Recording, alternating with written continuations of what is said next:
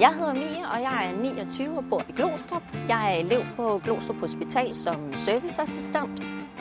Det, der var vigtigt for mig, da jeg skulle vælge min uddannelse, det var, at det er en uddannelse, hvor jeg er glad hver dag, jeg kommer på arbejde, og hvor at jeg ved, at jeg gør en forskel, og jeg kan mærke inde i mig selv, at jeg gør noget godt for andre mennesker, som gør, at jeg også selv bliver glad. Min del af det ansvar på et hospital, det er jo, at for det første, jeg er med til at afbryde smitteveje og forebygge infektioner. Det vil sige, at man ved, at omkring 3.000 om året, de dør af, af sygehusinfektioner. Og det er jo det, jeg rigtig gerne vil være med til at, at gøre bedre. Det, jeg har lært af at uddanne mig som serviceassistent, det er for det første at have den her servicekontakt over for patienter. Det er enormt vigtigt, at hvilket indtryk du giver dem, når du kommer. Du skal have et smil på læben. Du skal også synes, det er sjovt at skulle servicere patienterne.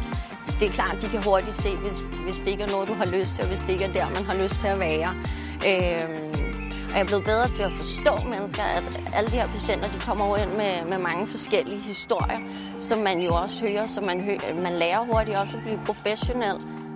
Jamen, grunden til, at jeg går glad på arbejde kvart over fire om morgenen, det er jo netop fordi, at, at jeg ved, at jeg hver dag, når jeg møder ind, jeg gør en forskel, og jeg gør en forskel for alle de patienter og pårørende, som kommer ind ad døren.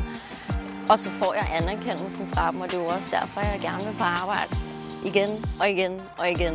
For at man får smilet, og man får takken.